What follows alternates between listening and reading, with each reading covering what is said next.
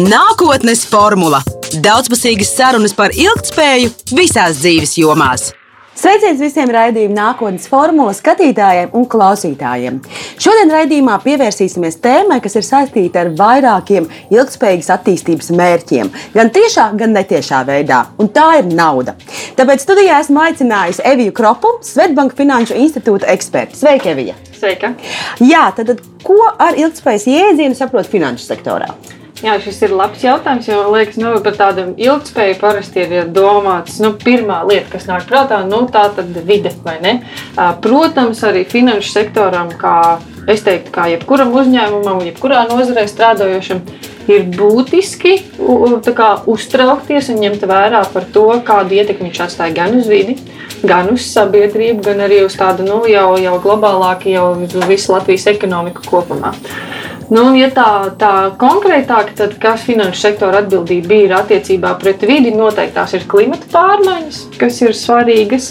Un, un šeit tieši no nu, tādām bankām ir loma palīdzēt pārstruktūrēt tautsēmniecību uz tādu darbību, kas nu, tomēr rada mazāk izmešus. izmešus. Un tad jautājums, kā to var izdarīt? Tas ir nu, piedāvājot un radot iespēju uzņēmumiem saņemt aizdevumus, aizņēmumus, pieņemsim, savas darbības pārstruktūrēšanai, arī zaļās visas obligācijas, arī aizņēmumi zaļās enerģijas ražošanai un arī tādā jau privātpersonu līmenī, pieņemsim to zaļo automobīļu, jā, līzings un tā tālāk. Tā kā tas būtu tādas, tādas um, vides lietas, tad noteikti arī nu, skaidrs ir kad nu, bankas ir daļa no ekonomikas asinsrites arī dzen.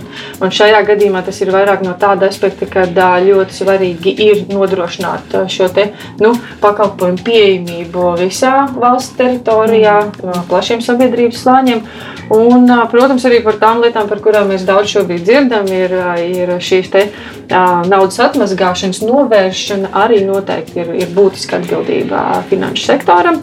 Un trešā lieta, kas būtu skaita ziņā pēdējā, bet noteikti nemazāk svarīgā, ir tas, ka nu, finanšu sektors arī nu, uzkrāja un, un arī mm, nu, pārvalda ļoti daudz finanšu uh, zināšanu kā tādu. Un šo finanšu zināšanu tālāk nodošana sabiedrībā ir daļa no ilgspējas arī. Dzem. Un, uh, nu, par to arī mūsu šīs dienas saruna, vai ne? Jo nu, no tādas tieši jau konkrētāk no banku puses, no Svetbanka puses, uh, Es pati, pieņemsim, strādāju Svetbanka Finanšu institūtā jau vairāk kā sešus gadus. Un patiesībā tas institūts jau pēc savas būtības ir nu, pilda šo mm. ilgspējas funkciju, jo mūsu galvenais mērķis ir nevis stāstīt par banku vai bankas produktiem vai pakalpojumiem, bet mūsu mērķis primārais ir tiešām izglītot sabiedrību par un ap finanšu lietām. Un tā izglītība jau, jau šos zināšanu nostiprināšana ir ārkārtīgi dažāda. Jo auditorija ir dažāda. Ja? Nu, mm. Nu, ko mēs sākām, sakām bērniem, ko mēs sakām jauniešiem, ko mēs sakām jau tādiem pieaugušiem, un varbūt ko mēs sakām jau senioriem. Un, un katrai auditorijai arī tā pieeja ir pilnīgi citādāka, ko mēs gribam dzirdēt arī noteiktos vecuma posmos. Jā, nu bērniem mēs par pensiju vēl nestāstīsim, lai gan patiesībā ir labi zināt šīs sakarības un, un domāt jau arī par, par tādām lietām tīri kaut vai idejiskā līmenī. Un, nu, tad, pieņemsim, par bērniem. Diezgan daudz mēs Finanšu institūtā darbojamies, jo mēs saprotam, ka tieši šī te, nu, tā, izglītība ir, ir tā īstā vērtība, kur mēs noteikti arī varam būt noderīgi.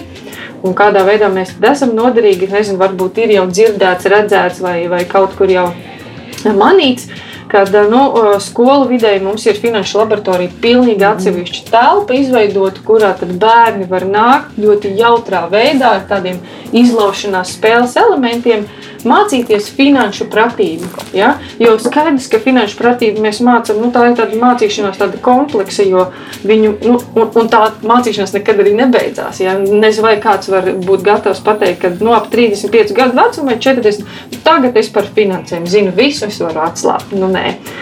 Tas, diemžēl, tā kā nenotiek.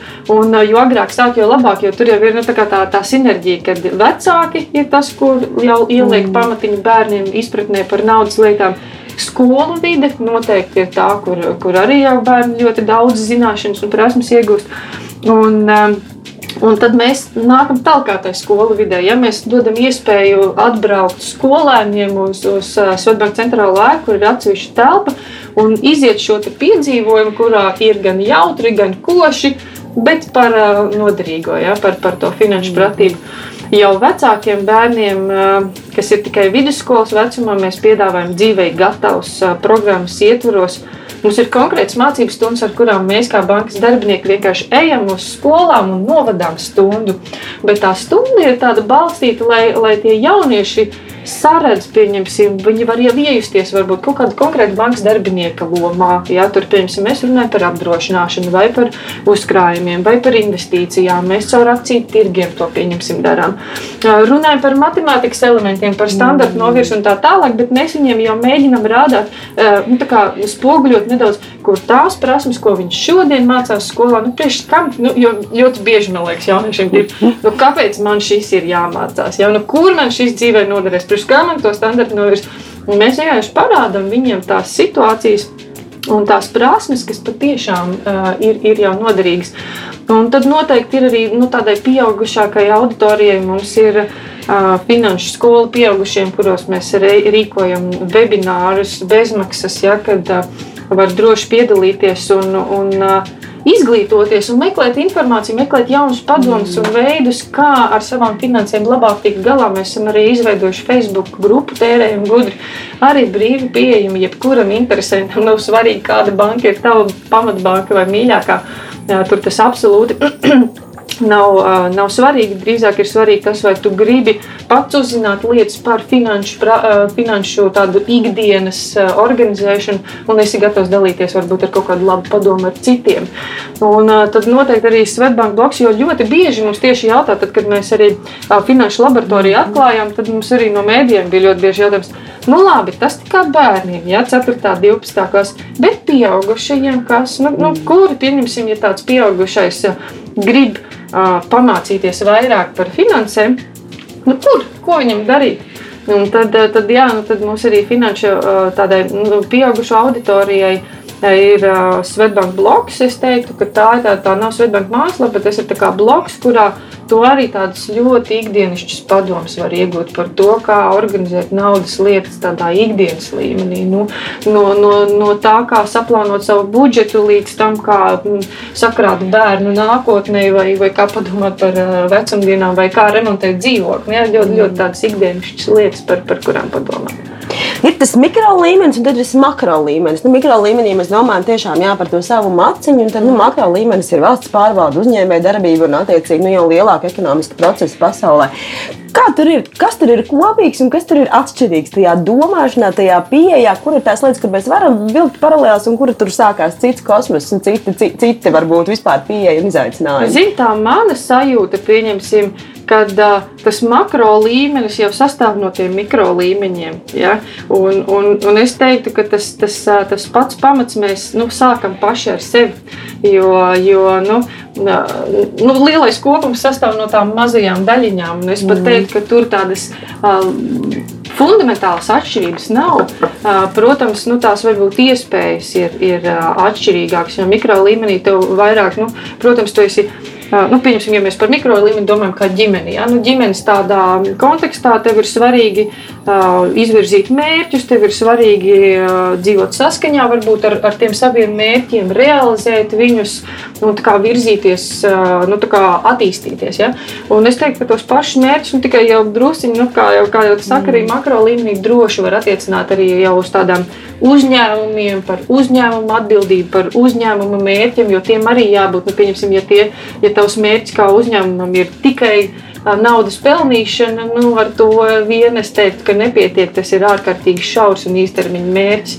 Jo, jo lieliekot šos ilgspējas aspektus, noteikti ar savas darbības ietekmi uz šo vidi, sabiedrību, ekonomiku un, un, un citiem aspektiem, kas ir, tas, tas, tas jau ir pilnīgi citādāk. Jā, jo lielāks mērogs, jo lielāka ietekme un jo lielāka atbildība ir katrā šajā solī. Par to atbildību gan es teiktu, jā, nu, tāpat kā arī nezinu, tādā ģimenes līmenī, nu, pieņemsim lēmumus kādam mainīt darba vietu vai, vai tur, pieņemsim, mainīt mājokli, ir tāds fundamentāls vai nepriekš ģimenes. Mm -hmm. Tas ļoti daudz ko maina, un tur ļoti daudz mainīgu uzreiz arī to scenāriju iezogs.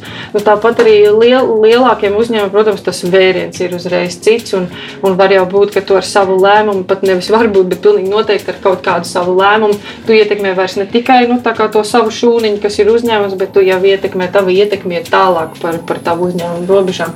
Un tas jau ir tas svarīgais aspekts. Patiešām, nu, es teiktu, jebkurai nozarei. Nu, šeit nav svarīgi, vai tas ir finanšu nozare vai, vai kāda cita, bet, bet katram tā, tā atbildības daļa ir jāuzņemas. Kas tad ir tas finanšu ABC? Nu, ja mēs skatāmies tajā mikro līmenī, tagad globālo pasaules ekonomiku un lielo uzņēmēju darbību varbūt atstāsim otrā plānā, bet jā, mums visiem ir svarīgs mūsu maciņš. Biezāks vai plānāks mums viņš ir. Kā kaut kādā veidā mums viņu ir jātiek galā un kaut kādā veidā viņš ir jāorganizē. Nu, kā tad tā apdomīgi un prātīgi rīkoties ar tiem saviem līdzekļiem, lai tas atbilst varbūt tās tādiem ilgspējas pamatprincipiem un tiktu ņemti vērā šie aspekti tik kompleksi un tik savienoti, kādi viņi ir, nemēģinot tur tā nodalīt 1, 2, 3. Bet, nu, šodien domāšu par ilgtermiņu atslābšu. jā, tikai dažkārt smējos, ka valsts pārvaldē šogad sakārtosim veselības sistēmu, nākamgad domāsim par izglītību, aiznākamgad par kultūru, un tad domāsim par vēl kaut ko. Nu, gluži tā tas nestrādā. Tāpat ir arī to maciņu. Nu, jā, bet ar to maciņu arī teikt, ka tas nav arī tik viennozīmīgi. Nezinu, vai tu vari ieviest kārtību tā kā nu, visā mājā momentāli, jā, vienā stundā. Nu, vai, jo šeit ir kā, nu, tas princips sākt soli pa solim, tad virzīties uz priekšu. Es domāju, domāju, ka uz finansējumu ir pat tas pareizākais veids, kā skatīties. Un par to, nu, ko tad darīt, tas ABC finansēs, es teiktu, pirmām kārtām darīt. Un ar to darīšanu es saprotu, nu, nu, pats sākums ir tā plānošana, ja budžeta plānošana. Es zinu, ka tas izklausās ļoti bieži garlaicīgi, ļoti bieži tās asociācijas pirmās ir negatīvas, jo iespējams ir uh, asociācija pirmā uzreiz ir par nemitīgu kontroli un tādu, nu, tādu pilnīgi sevis ierobežošanu, vairs neko nevarēšu atļauties mūždien katru reizi, kad, nu, kad būs kaut kas jānopērk, jut, jutīšos vainīgi. Bet patiesībā tā noteikti nav, jo ir ārkārtīgi svarīgi, kā tu skaties uz šīm lietām. Nu, ja tu esi tendēts skatīties no negatīvā aspekta, nu, tur nekas labs nesanāks. Bet nu, man arī patīk tas teiciens, ko arī saka, ka, ja tu nevari mainīt lietas, mainīs nu, to veidu, kā tu uz viņām skaties. Un, un šeit noteikti palīdzēs tāds ļoti optimistisks un pozitīvs skats. Jo tas tajā brīdī, kad tu tās uh, finanses plāno, nu, tu paver iespēju sev tādā ilgtermiņā, nākotnē, uz daudz, daudz pozitīvām lietām, ka tu sasniegsi savus mērķus, maksimāli maz izmantosi, pieņemsim, aizņemto kapitālu, vairāk varēsi balstīties pats uz sevi. Ja tu jutīsies drošāk par to, kas, mm. kas ir te, tevi nākotnē sagaida, attiecīgi tu varēsi būt drošāks kaut kādās savās izvēlēs un brīvāks. Ja? Tu varbūt brīvāk varēsi pieņemt kardinālākus lēmumus, kas varbūt būs pagrieziena punkti tavā dzīvē. Vienkārši varbūt ne tik ļoti bremzējot tā, tā, no, no finanšu aspekta. Un, un tā plānošana ir patiesībā sabiedrībā. Nu, it kā jau liekas, ka nu, jautā, kam gribu, liekas, nu jā, es taču plānoju savu budžetu. Skaidrs, zinu, tur, kam tērēju, zinu, cik pelnu. Bet tad, kad mēs ejam jau nedaudz detaļās iekšā, tad ir skaidrs, ka baigi šķidrātā plānošana ir. Jo Nu, mums ir uh, Finanšu institūta arī veikts tāds uh, pētījums, aptaujas sabiedriskās domas pētījums. Mm. Ja? Nu, kā tad iedzīvotāji paši atbild? Puse patiesībā tikai vēl atzīst, ka viņi regulāri plāno, mm. jo pārējie tur, tur izšķīst pa sadaļām, ka nu, reiz par reizei vai vispār nekad par to nedomāju. Tad puse atzīst, ka viņi plāno, bet vēl puse atzīst, ka viņi plāno aptuveni galvā. Un tad es gribu teikt, ka nu, šī nav plānošana, jo aptuveni tur tāda ienākuma izdevuma, tāda apzināšanās tikai galvā nu, viņa ļoti bieži neatbilst realitātei. Mm. Jo tajā brīdī, kad tu tomēr tā skrupulozāk sāc sekot līdz tam, kas notiek tavā naudas makā, tad es saprotu, ka oh, tās mazās, it kā nevainīgās summas, viņas mēneša ietvaros vē, mēdz veidot diezgan būtiskas summas. Un tu par viņām tā īpaši pat neesi apzinājies. Un uh, par to budžeta plānošanu no tāda ilgspējas aspekta savukārt man šķiet, ka ir ārkārtīgi svarīgi ka tu skaties uz savu. Nu, nu, tagadni un arī uz nākotni, un vispār izvirsi savus mērķus, kaut kādus tur, tur tuvāk, mhm. tālāk, mērķi, tālāk laika gaitā. Bet ka tev tie mērķi ir tādi, nu, kā lai saka, tādi nu, reāli, un, un viņi nav pārspīlēti. Jo viņas, tas, ko šobrīd var redzēt, arī nu, ļoti daudz ir tādi. Nu, nu, tā patēriņa kultūra ir diezgan nu, tāda iedusies. iedusies. Viņi tā labi iegriezušies šobrīd arī. Ir, ja? Jo es teiktu, ka viss tā sociālā, digitālā vide, kurā mēs aizvien vairāk, daudz vairāk laika pavadām, nu, viņi burtiski tevi nu, uzkurina. Ja? Nu, ka tev taču jāatbilst tiem standartiem. Viņi rada pseido vajadzības. Es teiktu, jā, jo, jo tev šķiet, ka Nu, tātad, un, un tur tiek kultivēti tie standarti, ka tev ir, nu, nu, piemēram, nezinu, ka tev ir jābūt privāti mājai, trīs bērniem, tad arī sunim, un tad noteikti kādam apvidus auto vēl tur, tur sētā jāstāv. Ja? Un, un, un brīžam liekas, ka, ja tu esi ēdis vakariņās kaut ko tur vizuāli skaistu un arī garšīgu, bet ja tu to neesi nošērojis, nu, tad tas nav noticis ar tevi. Un es patiesībā teiktu, ka tā ir, nu, katram jāpiebremzē bišķiņ un jāpaskatās, jo to, to mērķu izvirzīšanu, tad redzu, vai tiešām man to vajag. Nu, vai tas rezonē tieši ar mani, vai tiešām tās ir manas vērtības, kurām es šobrīd sekoju. Ja? Un vai tiešām man vajag tieši to privātu māju, bet var būt, ka es komfortabli jūtos no tāda izmēra ģimene, kā mums ir divi starp dzīvoklī.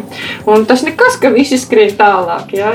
Man, man ir savas, savas domu gājiens. Un, un savu atbildību par tām lietām. Jo patiesībā jau arī tie pētījumi ir pierādījuši, ka tad, kad cilvēkam aug ienākumi, viņam aug arī izdevuma puse. Jo gribas nu, vairāk tērēt, vairāk mm. atļauties, atkal pieredzēt, ja kaut kādas lietas vairāk. Un neizbēgami augot ienākumiem, aug arī joprojām sa, a, a, paliek vajadzība tev tomēr salāgot tos tavus ienākumus ar izdevumiem, jā, tās tavas vēlmes ar tavām iespējām. Un, un pētījumā arī kaut kad ārvalstu ir, ir pat veikts tāda nu, tā aptauja, ka cilvēkiem tiek jautāts, nu, kā tev šķiet, cik daudz tev vajadzētu pelnīt, lai dzīvotu labi. Un tad patiesībā neatkarīgi no tā ienākuma līmeņa, vai viņš tur ir tuvu minimālajai algai vai krietni pārsniedz, ja tur pat, pat 5 mm. minimālās algas mēnesī. Atbilde bija ārkārtīgi līdzīga, aptuveni divi tik vairāk nekā šobrīd. Tas nozīmē, ka ja mēs kultivēsim visu laiku tās vēlmes un, un, un skriesim pakaļ tām vēlmēm, nu, tur, tur tas tāda, nu, tāda baigā, baigā kaut kādā cilpā, man liekas, var nonākt. Un, un tas ir tas, kas ir ārkārtīgi svarīgi vienkārši piebremzēt, salikt savas prioritātes, saprast, kas man ir manas patiesās vērtības. Un, un noteikti jau arī tam pašam mērķim, pieņemsim, tad, kad es viņu izvirzu, ir ārkārtīgi svarīgi skatīties uz mērķiem arī no tāda ilgtermiņa aspekta. Jo var jau būt, ka tās lietas, kurām es uh, uz kurām es ļoti šobrīd fokusējos. Nu, tagad, kad varbūt pēc kaut kādas 5 gadus, 10 gadus man būs citas lietas aktuālas, bet ja es par viņām nepadomāju jau šobrīd, nu, tad pēc tam 10 gadiem es būšu nu, tādā mm. nulles punktā. Tur nezinu, vai es īstenībā tur jau vairs kaut ko varēšu darīt lietas labāk. Nu, tās laikam ir varbūt manas lietas. Un, uh, un par to ilgtermiņu arī, par tādu budžeta arī plānošanu. Mm. Budžeta arī ir ārkārtīgi svarīgi, ka es ne tikai saprotu, ka aha, nopelnīju nu, tad mēnesi noslēdz līdz nākamajai darba laikam, pa nulītēm, vai, vai, vai man izdevies ir tur uzkrāt kaut ko arī atlicināt. Bet tam budžeta plānošanas horizontam ir jābūt nu, plašākam. Tu vismaz skaties nu, kaut gada perspektīvā, ja, un ideāli jau vēl tālāk, ka tu arī padomā, varbūt kas būs tad, kad tev bērni sāks iet skolā, kas būs tad, kad tu pats ies pensijā, ja, mm. un, un trusciņi apzināties to, to realitāti. Un, bet arī kaut vai tādā gada ietvarā jau ir ārkārtīgi teiktu, izaicinoši to budžetu saplānot. Jo, nu, tādā ģimenes kontekstā, nu, lai nav tā, ka, ja bērns jāpalaiž skolā vai automašīnai ir nepieciešama tehniskā apskate, ja, vai tur decembrī pienāks Ziemassvētki ar kaut kādu jāņem ātrais kredīts. Jā, tas nav oh, pārsteigums. Patiesībā tas nav nekāds pārsteigums. Tie nav neparedzēti izdevumi, tie ir absolūti paredzami izdevumi. Un tas jau ir tāda, nu, tāda tā tāda, nu, ka tu jau tādus muskulīšus uzaudzējis, ja tajā finanšu pratībā, ka tu proti ne tikai salāgot tavu no algas līdz algai, bet ka tavs plānošanas horizonts jau paplašinās, jau, jau, jau tālāk par to no algas līdz algai. Kāda ir tā vēlamā proporcija? Nu, cik tērēt, cik taupīt, un nu, ko tad darīt, ja man pēkšņi ir kādi brīvie līdzekļi? Neatkarīgi no viņu apjoma. Vai tas ir tas brīdis, kad es varu sevi iepriecināt ar kādiem spontāniem, emocionāliem pirkumiem, vai tomēr, tiksim tā, kas būtu ilgspējīgs skatījums uz brīvo līdzekļu menedžmentu? Šeit ir ārkārtīgi individuāli, es teiktu tā, jo, jo pateikt kādam, nu, man liekas, tas ir tā nu, diezgan skumji, ja tev, ja tev jāpasaka, ka tu nedrīkst atļauties savu spontānu pirkumu. Nu, tā kā nekad, jā. Tur nedrīkst veikalā nopirkt cepumus, un tev ir jācep viņi mājās paši, jo tas nāk lētāk. Ja? Nu, tā, es teiktu, ka mērenība visā ir tā labākā pieeja. Jo nu, tad ir īpaši, nu, cik daudz tērēt, cik daudz uzkrāt. Tas ir ārkārtīgi svarīgi arī kādā starta punktā tu esi. Mm. Ja tu šobrīd esi tādā punktā, ka tavas finansēs valda diezgan liels bardaks, Jo, protams, tu, tu aptuveni, nu, tā kā tu dzīvo no algas līdz algai, kādreiz sanāk, kādreiz nesanāk, kādreiz tur ar mīnuszīmi, kādreiz ar pluszīmi. Es teiktu, ka tur jau ir svarīgi pirmām kārtām no sākuma ieviest kārtību tavā budžetā, lai tev ir diezgan skaidrs izdevumu kategorijas, tu zini, cik daudz tu kur tērē. Ja? Tas nenozīmē, ka tev katrs mazākais pirkums ir jāsaskaita, ja? jo tas, manuprāt, kaut kādā ziņā rada arī vēl papildus stresu. Mm. Tas ir tas neforšais veids, kad, ja tu domā, ak, Dievs, katrs čeks jākrāj, ja? tagad katrs jāpiek, katra no ir. Mm -mm, tas nav tas veids, jo man liekas, ka mūsdienās ir forši tas, ka tev tehnoloģijas nāk palīdzīgā iedod visu šo skrupulozo darbu, izdarīt tehnoloģijām, vienkārši nu, pats baudi tikai pēc tam to, to mm. rezultātu. Tas, kas ir svarīgi, ir svarīga tā struktūra. Jo nu, par to krāšanu arī. Nu, Tad, kad tu esi ticis galā ar to, ka tev pietiek visiem nu, taviem ikmēneša izdevumiem, ar to, cik tu nopelni, tad tu vari doties jau solīt tālāk. Proti, domāt par rezerves veidošanu. Ja esmu iemācījies, iemācījies iztikt, jo daudziem tā joprojām ir, es teiktu, nu, ikdiena, ja, salāgot un iztikt ar to, cik, cik daudz nopelni.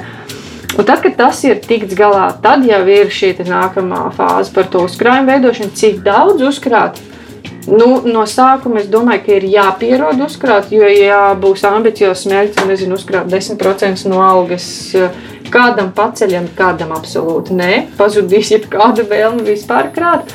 Un sākotnēji būtu pat jāpieradina savs budžets vispār pie tā, ka tev nu, ir šis te jaunais maksājums pašam sev. Ja? Un tad jau, kad, kad tu jau esi apratis, tad lēnītēm šo summu ir iespējams audzēt. Man pašai, pieņemsim, patīk pieeja, kad nu, laika gaitā tev mainās ienākumi. Vai nu tu maini darbu, tu maini amatu, tur, tur algas pārskatīšanu, tur vēl kaut kas. Katrs tas, nu, tas kaut vai neliels uh, solītis uz augšu uh, ir. Uh, nu, tā ir ekstra nauda, pie kuras tu līdz šim vēl neesi bijis pieredzējis. Ja tu neesi pieredzējis viņu vēl tērēt, ja tu neesi apaudzies viņu ar vajadzībām uzreiz to, tos papildus eiro. Un ļoti forši veids ir tieši šo naudas summu novir, daļu vismaz novirzīt uzkrājumos. Visnesāpīgākais. Nu, ja tev pielika 10 eiro pieaugas piecīti, no, novirz uzkrājumiem, piecīti, nu varbūt arī tāda. Man liekas, ka tas ir tāds arī labs līdzsvars no tāda ilgspējas mm. aspekta. Ja es visu neiegrūžu uzreiz patēriņā, Ja, nu, tā kā nenotriecu, nenotērēju. Un, un, bet, bet arī dzīve ir jābauda. Ja? Tāpēc es saku, ka tas līdzsvars ir jāatrod. Bet, bet otra puse savukārt es, es jau ievirzu tādos ilgtermiņa kaut kādās lietās vai savu mērķu realizēšanai, kas nav gluži pakļaut tādām spontānām varbūt lietām. Problēma ar tiem mazajiem uzkrājumiem ir tāda, ka, nu, principā, visu laiku mēs, nu, ja nenotiek, kā saka, stundas x, tad, nu, kopumā mēs straujākā vai lēnākā tempā dzīvojam inflācijas apstākļos. Nu, kas kaut jā. kādā ziņā ir, ir kā saka, pozitīvas ekonomiskās tendences rādītājs. Tātad, nu, pēc būtības inflācija parāda to, ka viss ir labi. Uh, inflācija arī parāda to, ka viss palēnām kļūst ar vien dārgāks. Kā jā. rezultātā man 5 eiro šodien, pēc gada, pēc diviem, pēc trim būs daudz mazāk. Līdz ar to tur man liekas, ir tā, ha, tur, tur jau veidojās nākamais līmenis finanšu pratībai. Kā, kā man noadministrēt to naudu tā, lai man 5 eiro pēc gada, diviem vai trim būtu tie paši 5 eiro, kas, kas šodien? Es teiktu, ka vispār šī jautājuma pacelšana un apzināšanās jau ir tāds finanšu pratības tāds, nu, uh, jau tādas labas finanšu pratības pazīme. Teiktu, jo, jo šis ir viens no jautājumiem, kurus arī nu, tādās aptaujas veidā, lai nomērītu sabiedrības finanšu pratības līmeni, kā tādu, ir tieši viens jautājums par, par, par inflācijas ietekmi uz, uz, uz tavu naudas vērtību. Nu, šajā gadījumā uzkrāt. Nu, šeit atkal ir jādala tie uzkrājumi, nu, viņi ir segmentējami. Ja? Tev ir pirmkārt, tev ir uh, jābūt ātri, viegli pieejamiem līdzekļiem. Tas ir tā teikt, nu, tām nebaltajām dienām, ja tas ir drošības stilvens. Nu, tu nevari viņu ie, ievirzīt kaut kādos produktos, ja, kuros tu pelnīsi vairāk, ja, bet tev jādomā par to likviditāti, cik ātri tu šiem līdzekļiem piekļūsti. Ja nu kas, Ja, līdz ar to es teiktu, tai uh, ambīcijai par naudas, pel, tas, ka nauda pelna naudu. Um, īstermiņa, ātri nepieciešamai naudai nu, nevajadzētu tādu, tādu ambīciju uzlikt. Ja? Jo, jo skaidrs, ka tā ir tāda ekstra kabata, no kuras tu paķer kaut ko tajā brīdī, kad, nu, kad tev tiešām kaut kādas ekstra lietas ir notikušas. Un arī tādā uzkrājuma veidošanas kontekstā tā ir lieta, par kuru pirmo jādomā. Ja? Tāda viegli, ātri pieejama. Kā neļaut viņai, pieņemsim, kaut kādi inflāciju nu, vismaz kaut nedaudz mazināt. Nu, iespējams, ir tie, tie krājuma konta risinājums, ja, kurā tu arī cilvēkiem no tādas disciplīnas viedokļa ir, ka nu, tu, tur ir kaut kāds zināms laiks, ka tu viņai varbūt netiec klāt. Bet nu, ne gluži tā, lai tu mm. kaut kādā mm. nedēļas termiņā netik klāt, ja tev ir, ir īpaši nepieciešamība.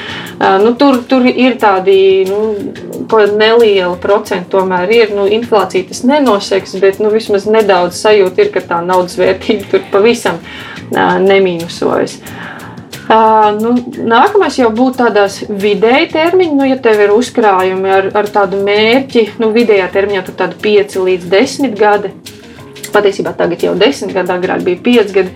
Nu, man patīk, pieņemsim, pašai personīgi izmantot šos valsts, ja tā var teikt, atbalstītos uzkrājumu veidus atbalstītos kādā veidā, tādā, ka tu par tām uzkrājuma summām atgūsti atpakaļ nodokļu tiesu. Mm. Ja, ka tu viņus vari deklarēt un šo iedzīvotāju ienākumu nodokļu 20% daļu tu vari vienkārši atgūt atpakaļ.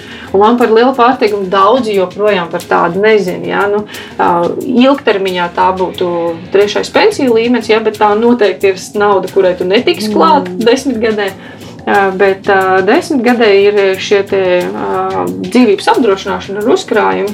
Ir ļoti foršs produkts, kurā tu vari krāt, un tu vari būt droši, ja tu 20% no tām savām iemaksām dabūsi atpakaļ nodokļu atmaksas veidā. Mm -hmm. Tad jautājums, nu, kāpēc valsts tā dara? Ja? Kāpēc nu, tā dāvina bezmaz vai naudu nedāvina, bet pēc būtības nu, tas ir veids, kā valsts mēģina arī nu, no savas ietekmes puses nu, motivēt tevi domāt par mm. uzkrājumiem, vispār tādus veidot.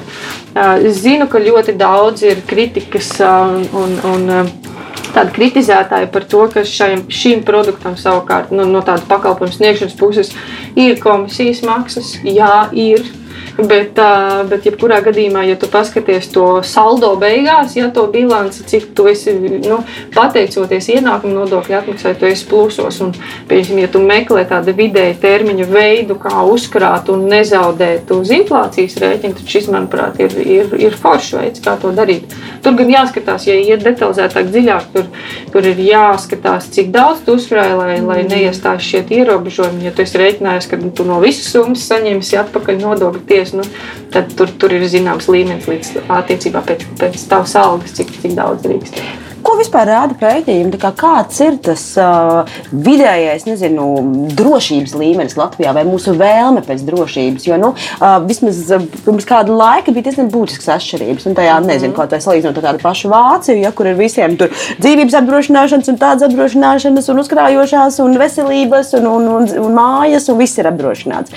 Tad Latvijā tā apdrošināšanas kultūra ir salīdzinoši diezgan jauna un varbūt tās neattīstīta. Vai, nezinu, pēdējie 5-10 gadi ir kaut ko fundamentāli mainījuši mūsu attieksmē par to, kā mēs attiecamies pret drošības un garantiju jautājumiem, un vai ir jūtams, jā, kad, kad cilvēki plāno un sāk vairāk domāt un apzināties gan riskus šodien, jā. gan ilgtermiņā. Es teiktu, ka pilnīgi noteikti jā. Un tā ir lieta, uz kuru man pašai ir patiesībā diezgan liels prieks skatīties uz, uz pētījumu rezultātiem. Jo es pilnīgi noteikti varu teikt, ka mēs kā sabiedrība, jā, Latvijā, nu, laika gaitā esam nu, būtiski mainījušies un auguši. Jo, nu, es pat teiktu, varbūt, ka, ka tas nav tikai tāds kultūras jautājums, ja kāda mēs esam, kā mēs mm. domājam, ja, kas ir par lietām, par kurām mums ir svarīgas. Jo skaidrs, ka kaut kādā brīdī nu, mums bija svarīgi nu, šis no algas līdz algai, nu, vairākumam. Ja? Un, un tad mēs jau nevaram runāt par, par mm. uzkrājumiem, apdrošināšanu, par māju apdrošināšanu. Labprāt, tikai no kādiem līdzekļiem.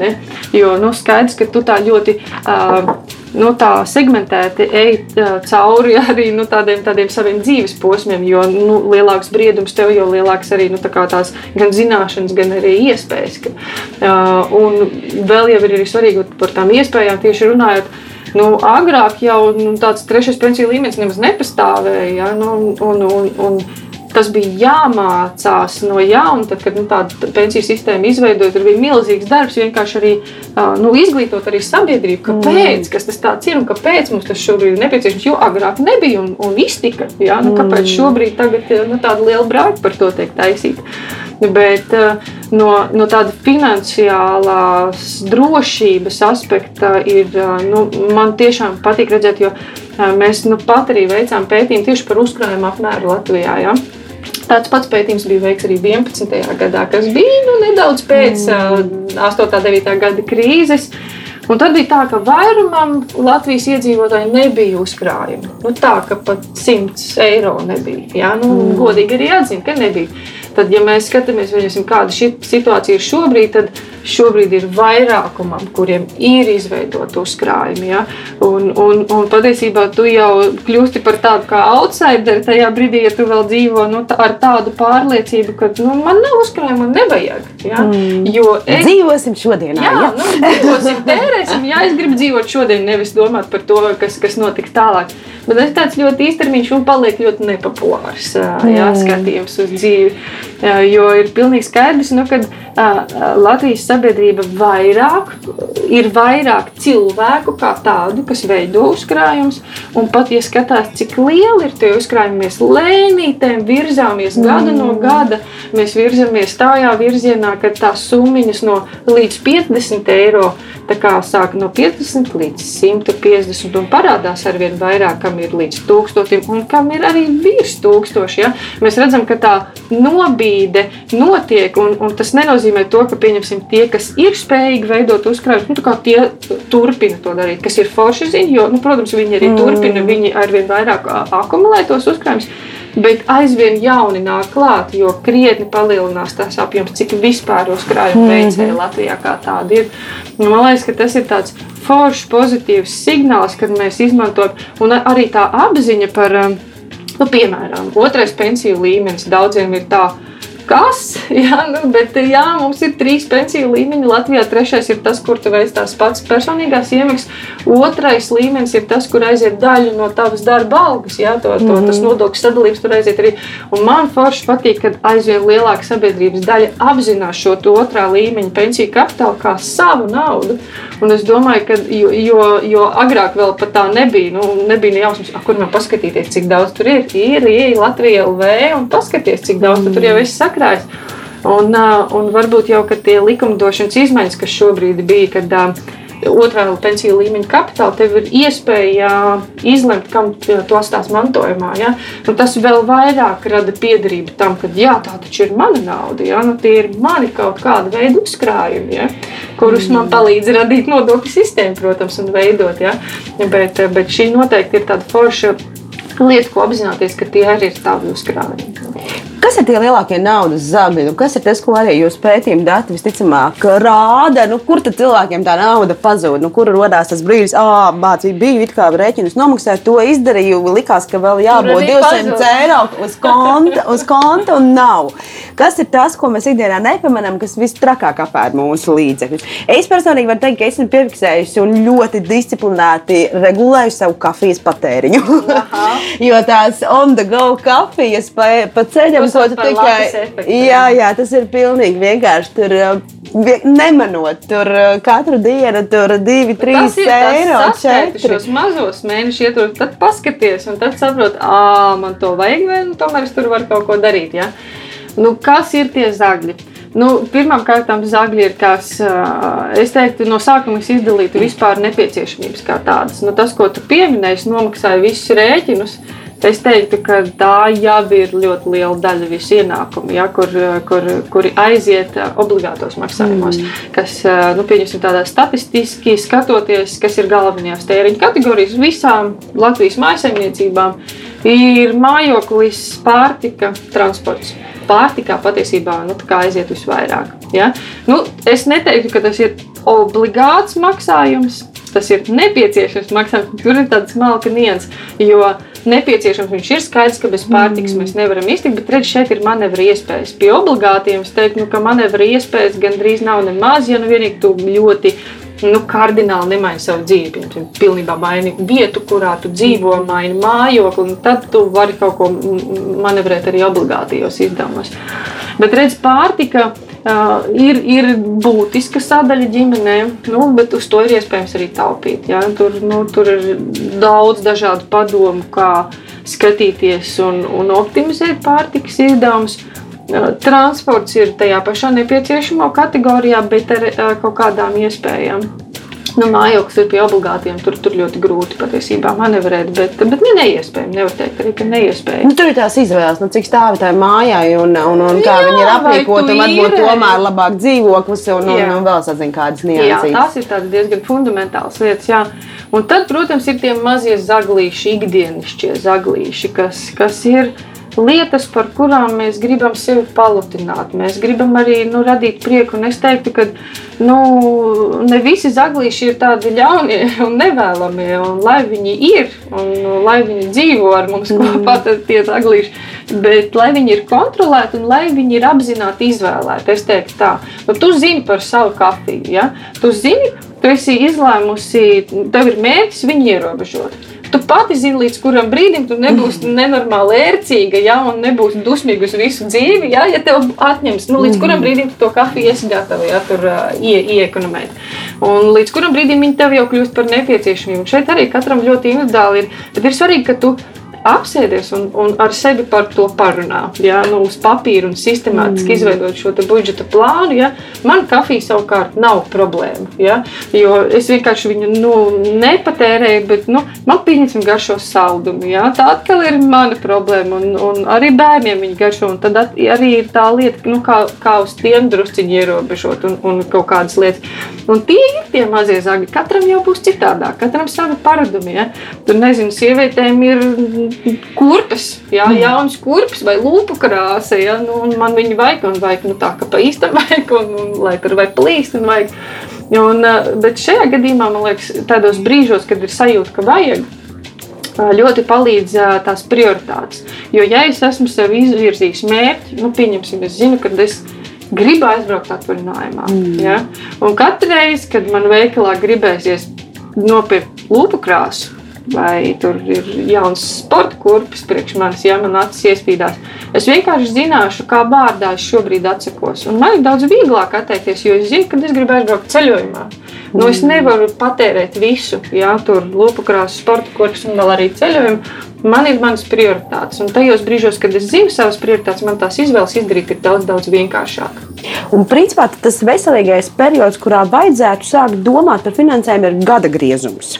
Vismaz sākotnēji, ja mēs runājam par mēnesi. Okay. Iz, izveidojam struktūru vispār kā tādu, sadalām kategorijās savus izdevumus un sākam ar mēnesi. Un tad, kad tajā mēnesī ir ieviestas kārtības, tad jau apaudzējam to mēnesi ar sezonām, un tad jau gada griezām. Analīze, vērtējums un tad jā. plānošana jā, jā, ar jauniem mērķiem. No pieciem soļiem, jo mēs budžeta plānošanā vienmēr sakam, ka tev ir jāiziet cauri pieciem soļiem. Pirmkārt ir ienākumu uzskaita un izdevumu uzskaita, tad tu analizē, tad tu izvirzi mērķus, tad tu sastādi plānu un tu tur rīkojies.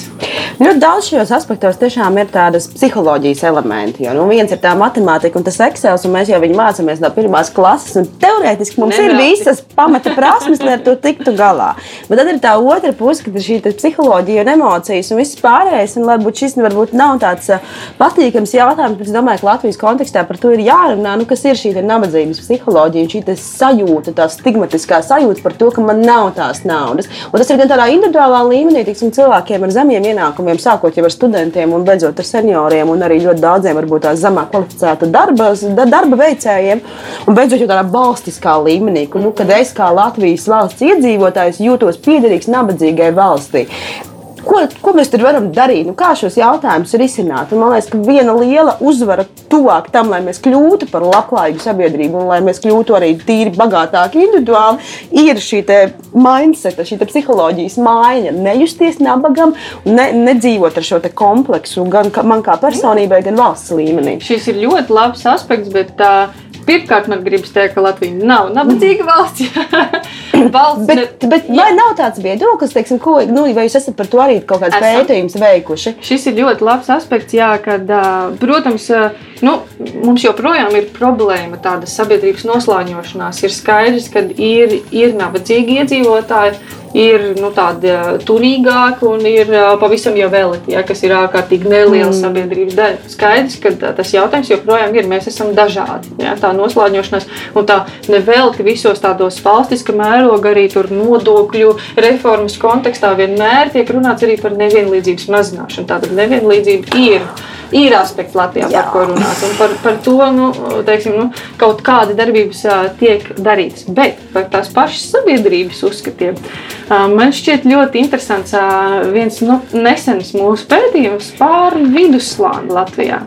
Nu, ar vidusslāni mēs saprotam nu, tādu turīgāku, nu, ne to pašu eliti, ja, bet nu, tādu turīgāku sabiedrības daļu. Pēc pašu iedzīvotāju domām, kas atbilst vidusslānim. Tā tad ģimene, kas um, tiek galā ar visiem saviem obligātajiem maksājumiem, kas var brīvi atļauties nu, katru mēnesi vismaz reizi tur vai nu aiziet uz tur, nu, palutināt sevi, ja tā var teikt. Ja, tur nu, restorānā, vai kino, vai, vai teātris, vai, vai teātris, vai kāds spā. Ja? Ne, ne, mēs nesakām, ka viss mm -hmm. rindiņā, ja? bet kaut kas no tā pa bišķiņam, kad, kad ģimene var atļauties. Un reizi gadā var atļauties aizbraukt ceļojumā. Tas ir pašu iedzīvotāju prātā nu, definīcija viduslānim, jo to definīciju ir ārkārtīgi daudz un dažādi. Tāds vienots jau nav. Un tad patiesībā ja, šos kritērijus attiecina uz Latvijas sabiedrību, proti, uz pašiem aptaujātajiem, 9% viņiem atbilst. Tikai 9% no visas sabiedrības ir pasakījuši, jā, es tiek galā. Es brīvi varu atļauties šeit tādu sev nu, reizi mēnesī palielināt, un reizi gadā mēs varam aizbraukt tuvākā vai tālākā ceļojumā, nu, ārpus Latvijas robežas. Ja. Uh, bet tāpat laikā, kad mēs uzdodam jautājumu, kā tev šķiet, vai tu esi vidusslānī, gandrīz pusi, 44% pasakā, jā, nu, mēs esam. Bet, mm -hmm. nu, šeit arī rodas, nu, līdz ar to es teiktu, attiecinot kritērijus, ir tikai katrs desmitais. Ja? Bet aptuveni gandrīz vai pusē tomēr šķiet, ka viņi tam pieder. Ja? Un tad es teiktu, ka nu, nebūtu tā, ka pašas sabiedrības viedoklis ir, nu, ka mēs tur tādu mazāk turīgi vai nabadzīgi. Pat mazāk turīgi ir ok, bet tā, par to, ka būtu tāds nu, nospiedošs nu, sajūta un tā mentalitāte par to, ka mentāli sajūta par to, ka nu, tāda nabadzīga, es teiktu, ka nē. Un patiesībā jau tas optimisms ir diezgan augsts. Jā, jo jo nu, tādām tā, tā vidusslāņa definīcijai tik liela daļa Latvijas sabiedrības, diemžēl, mēs nevaram attiecināt. Bet tu teici, to, ka mēs neesam nabadzīgi valsts. Vai tad šis 90% rādītājs, kas parāda to, ka tikai tik maza sabiedrības daļa pieder pie patiesībā šim vidusslānim, nav kaut kādā ziņā liecinieks tam, ka uh, ir, ir uh, varbūt tā, tiksim, tā liela vieta izaugsmai? Es teiktu, ka tur ir, uh, protams, ir vieta izaugsmai. Pilnīgi noteikti. Mēs, uh, Kā jau arī teicu, laika gaitā mums ir daudz vēl jāmācās arī par to pašu uzkrājumu veidošanu. Joprojām ir jāmācās uzkrājumu veidot. Joprojām Latvijā ir diezgan daudz ģimenes, kas dzīvo no algas līdz algai un pasaka, ka īstenībā man ar to algu pat nepietiek, lai nosaktu visas savas nu, pamatvajadzības. Ja? Uh, ir, ir, protams, joprojām daudz darba un, un daudz izaicinājumu, bet uh, es negribētu teikt, ka tas ir vairākuma uh, sajūta par vairākumu. Ja? Jo, jo tad drīzāk ir jāstrādā un tādā jau valstiskā tautsemniecības līmenī ir jāskatās, kā palīdzēt tiem cilvēkiem izkļūt no no tās varbūt starta pozīcijas, kur viņš šobrīd ir, ja, kuru mēs saucam par nu, nabadzību. Jo, jo tad tiešām ir jānāk tālāk un jāpalīdz vienkārši tam cilvēkam atgūties. Jā, tas jau korelē, nezinu, sākot ar, ar, ar papildus izglītību, vai pārprofilēšanos, Jā. un beidzot arī elementāri ar zināšanām par to, kā tad administrēt Jā. to savu ikdienu. Un tavs atslēga vārds izglītība, man liekas, ir ārkārtīgi būtisks, jo Jo izglītība ir vērtība. Man liekas, ka ļoti bieži ir sajūta par to, ka papīra dēļ, ja, nu, tad es kā students būdams, var, nu, pabeidzu vidusskolu. Mm. Un patiesībā tā kā ar jaunietim uh, ie, iefiltrēties uzreiz tādā iestartēt darba tirgū, sākt pelnīt, ja, ir daudz lielāka varbūt nekā iet atkal mācīties. Ja, un, un, un, bet šeit ir baigi svarīgi no vienas puses mēs arī arī savā komunikācijā vienmēr sakam, ka vecākiem ir jābūt gataviem atbalstīt savu jaunieti, varbūt arī viņa izvēlē uzreiz neskriet studēt. Jo, ja tam ir vairāki argumenti saskatīt par labu, esam, proti, nu, viņš līdz galam saprot, ko viņš grib darīt. Viņš, nu, kā, nofokusējis, nobāzējis. Mm. Viņš varbūt var arī aizbraukt uz ārvalstīm, kaut kādā pieredzes apmaiņā. Viņš nu, bagātinās sevi gan ar citām kultūrām, valodām, pieredzi. Viņš īstenībā daudzas mm. lietas sevi uzsūks. Un tas nav slikti, tas ir forši. Bet uh, tomēr turēt rokas pulsā arī tajā brīdī, lai tā kāri pelnītu un tas tā iekļaušanās darba tirgu nu, nenomāc to vēlmi mācīties. Jo izglītība ir vērtība un to pierāda ne tikai teiksim, mūsu pētījumi, bet arī paši. Nu, teiksim, nu, Latvijā, pieņemsim, augstākā izglītība ir pēc centrālās statistikas pārvaldes datiem aptuveni 40%, 39, 40%. Tātad mazākajai sabiedrības daļai ir augstākā izglītība. Uh, ir CV online šis pētījums par darba algām, un tur var redzēt, ka tiem, kam ir augstākā izglītība, tie vidēji pelna par 28% vairāk. Jā, tātad mm. uh, ir viens OECD pētījums, kurā īstenībā pat atklājas, ka uh, nu, viņa pētījums savukārt bija, ka 46% no pieaugušiem ar augstāko izglītību pelna vairāk nekā pieaugušie, kam nav šī augstākā izglītība. Un, un tātad tas parāda to, ka skaidrs, ka augstskolas pabeigšana tev neatvērs mm. vaļā visas durvis. Jā, nu, tagad ņemiet mani, esmu tik skaists, labs un gudrs, jā, un, un, un gribu lielu darba algu. Tā gluži nē, bet ļoti bieži tieši tādiem finansiāli nodrošinātiem un tādiem ar savu finanšu situāciju apmierinātiem cilvēkiem uh, ir šī īpatnība, īpašība, ja, ka viņi ir ieguvuši augstāko izglītību. Mm. Un arī, ja skatās pieņemsim uz tādiem statistikas datiem par apmierinātību ar savu finanšu situāciju, jā, viņi ir augstāki tiem cilvēkiem. Jā, tur bija kaut kāds sešs ar kaut ko balīt. No desmit balvu skalā viņi vērtē savu apmierinātību. Pretstatā tiem, kam nav augstākā izglītība, tur jau ir nu, knapi piecas balvas sasniedz šī apmierinātība. Un arī mēs Finanšu institūtā reiz veicām pētījumu par šīs tieši izglītības nozīmi. Un tad 85% visu aptaujāto arī atzina, ka viņu karjerā un tā tādā darba mm. gaitās izglītībai ir bijusi tieši augstākā izglītība ir bijusi ļoti liela nozīme. Un tajā pat laikā arī katrs piektais nejūtās forši nu, ar savu da esošo darbu. Bet tur atkal ir tāda ļoti liela sakarība, ka tiem, kam ir vismaz bakalaura grāds mm. ja, vai maģistra grāds, viņi jūtas krietni lielākā komfortā gan ar to, kur viņš šobrīd strādā un ko viņi dara. Gan arī, nu, pieņemsim, ir tā, ka tā augstskola jau tevi tā tavu tādus, nu, ne tik daudz varbūt tādā profesionālajā mm. ziņā. Ja? Nav tā, ka viņi tev iemācīs kaut kādu profesiju no, no, no A līdz Z. Bet tās ir noteikti stāsts par tādām personības īpašībām, kad nu, viņš tev nu, tāds nobriedušāks jau esi. Ja? Un arī cilvēki ar, ar šo augstāko izglītību ir daudz brīvāki savā izvēlēs un mm. drosmīgāki. Tāpēc tas jau ļauj viņam arī sasniegt pēc tam. Nu, man šobrīd patīk mans darbs, ja man nepatīk, es daru kaut ko ar to. Es jūtos drosmīgs un kā, nu, es zinu, ko es protu, un es zinu, ko es varu piedāvāt.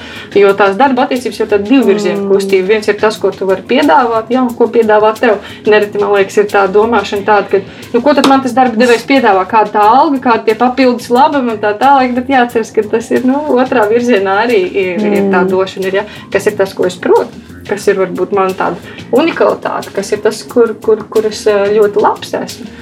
Tas, tas ir jāprot arī saprast. Kā ir ar apmierinātību ilgtermiņā? Vai apmierinātība ilgtermiņā nenoved pie stagnācijas, vai tā, no finanšu pratības viedokļa, vai man ir jābūt visu laiku ar vēlmi augt? Ja man tagad ir labs darbs un laba alga, un man nu, vienu, divus, trīs, piecus gadus liekas, ka viss ir ok, vai tas ir ok no finanšu pratības viedokļa?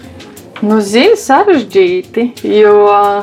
Nu, Nu, tāpat laikā es teiktu, man atkal gribas atsaukties to pašu pētījumu, kad nu, cik daudz tev vajag pelnīt, lai tu justos labi. Nu, gribas divreiz vairāk.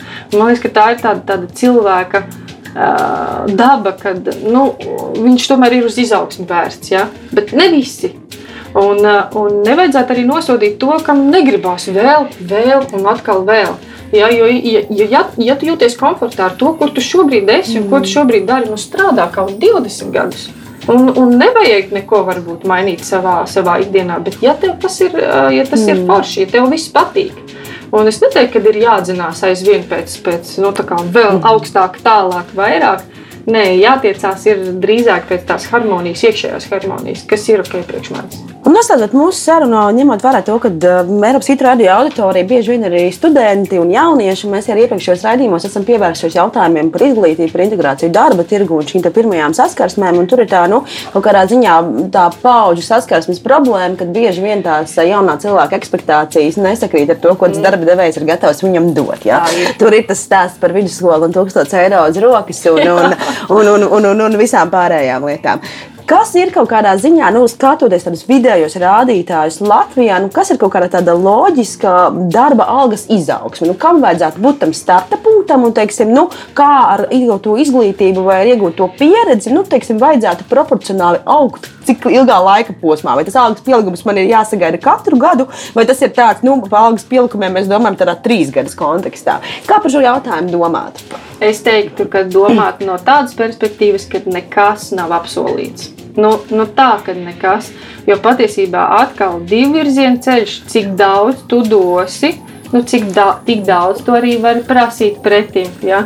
Nu, nu, tām ambīcijas ir laba lieta, ja? bet ambīcijām vienmēr ir jābūt arī pamatotām. Jo man liekas, nu, ja tām ambīcijām nav tā, tā pamatiņa, nav saguma, nu, tad tas izskatās neglīti. Ja? Nu, tur nav nekā. Ja? Tas ir tikai, tikai ambīcijas, ambīcija dēļ. Bet, ja viņas ir pamatotas, tad man liekas, arī labs darba devējs ļoti labi saredz potenciālu, ja? arī ambiciozā jaunītī. Un tur noteikti var arī, nu, ir jābūt gatavam nu, tā ir viena no 21. gadsimta prasmēm. Jā, tas, ka tu esi elastīgs, jā, kad uh, tu saproti, ka tev ir jāpielāgojas uh, gan uzņēmumam, gan laikam, un par to pašu algas piel, pielikumu. Nu, es, uh, es negribētu teikt, ka. Uh, nu, Katru gadu tev tas ir jāsagaida, vai ir slikts darba devējs, vai ideāls tas, kurš reizes trijos gados tev kaut vai inflācijas tiesu indeksē. Ja? Es teiktu, ka drīzāk tā ir tāda savstarpēja vienošanās. Un, mm. un ja tev, man pat drīzāk teikt, ir liktos, ka sākumā, un, un arī sākumā teikt, nav īsti pareizi man lielāka vērtība gribētos likt uzsvaru uz darba darīšanu, vai tas tev sagādā prieku vispār vai nē, vai tev patiks darīt to, ko tev par to 1000 eiro algu soli. Ja? Jo, ja tu skaties ilgtermiņā no tādas ilgspējas arī viedokļa, no savas, tās, tās, savas personīgās prizmas, darīt to, kas tev sagādā, nu, nu neko, nu, gandarījums nulle. Bet ir tikai šis finansiālais uh, gandarījums, tas ir ārkārtīgi nu, īstermiņa risinājums, jo, jo agri vai vēlu vienkārši. Nu, daba izlauzīsies uz ārā, un, un, un, un tu vienkārši pametīsi to pašu 1000 eiro vērto darbu. Ideālajā variantā mēs šo arī jauniešiem arī esam diskutējuši. Nu, ko īstenībā pat tad, kad viņi izvēlās mācīties mm. studēt, ko studēt? Vai to, kur es potenciāli pelnīšu daudz, vai varbūt to, kur sirds ir vistuvāk. Un, un es teiktu, ka nav jau viens pareizās atbildes tikai to vai tikai šo uh, ideāli meklēt to vidusceļu, kas gan tev sagādā prieku, gan nu, arī um, rada to perspektīvu pelnīt. Bet arī gribas teikt, un, un arī piekrīt tam viedoklim, ko, ko nereti arī esmu lasījusi, kad, ja tu esi ar visu sirdi un dvēseli īstenībā iekšā kaut kādā lietā, nu neizpaliks arī tas finansiālais aspekts. Vienīgi es, es esmu pierakstījusi tādu uzņēmēju gēnu, ko es saku, ir tie azartiskie uzņēmēji, kuriem tiešām ir pilnīgi vienalga, kādā nozarē viņi strādā, pilnīgi vienalga, ko viņi ražo vai, vai kādu pakalpojumu sniedz, bet kuriem tieši šī finanšu aprite, šī pelnīšana, pirkšana, pārdošana, tas ir tās asinsrites pamats. Tur, man liekas, ir tā vieglāk nodalīt varbūt tās, tās visas pārējās nianses, bet tur ir tā, jā, es iešu mācīties naudu. es teiktu, ka tā jau ir prasme, kur nu, nu, katrs jau ir individuāls, vai neviens pavelkās uz vienu lietu, viens cits. Mēs esam kāds labs zīmētājs, kāds labs dziedātājs. Ja? Un, uh, tās prasmes arī savas apzināties ir, ir ļoti, ļoti, ļoti laba un ļoti tāda, nu, forša lieta. Un, ja tiešām ir tā, ka aizrauja pirkšana, pārdošana, paspekulēšana, tur nezinu, lietu bīdīšana, nu, tad jā, ir uzņēmēji kaut kādā ziņā. Ja? Un, un to noteikti ir jāliek lietā. Uz to arī jāskatās uz nākotni. Paldies par šīs dienas sarunu. Evija Kropas, Svetbanka Finanšu institūta eksperte. Līdz nākamajai reizei! Raidījums tapis sadarbībā ar Nacionālo elektronisko plašsaziņas līdzekļu padomi sabiedriskā pasūtījuma ietvaros.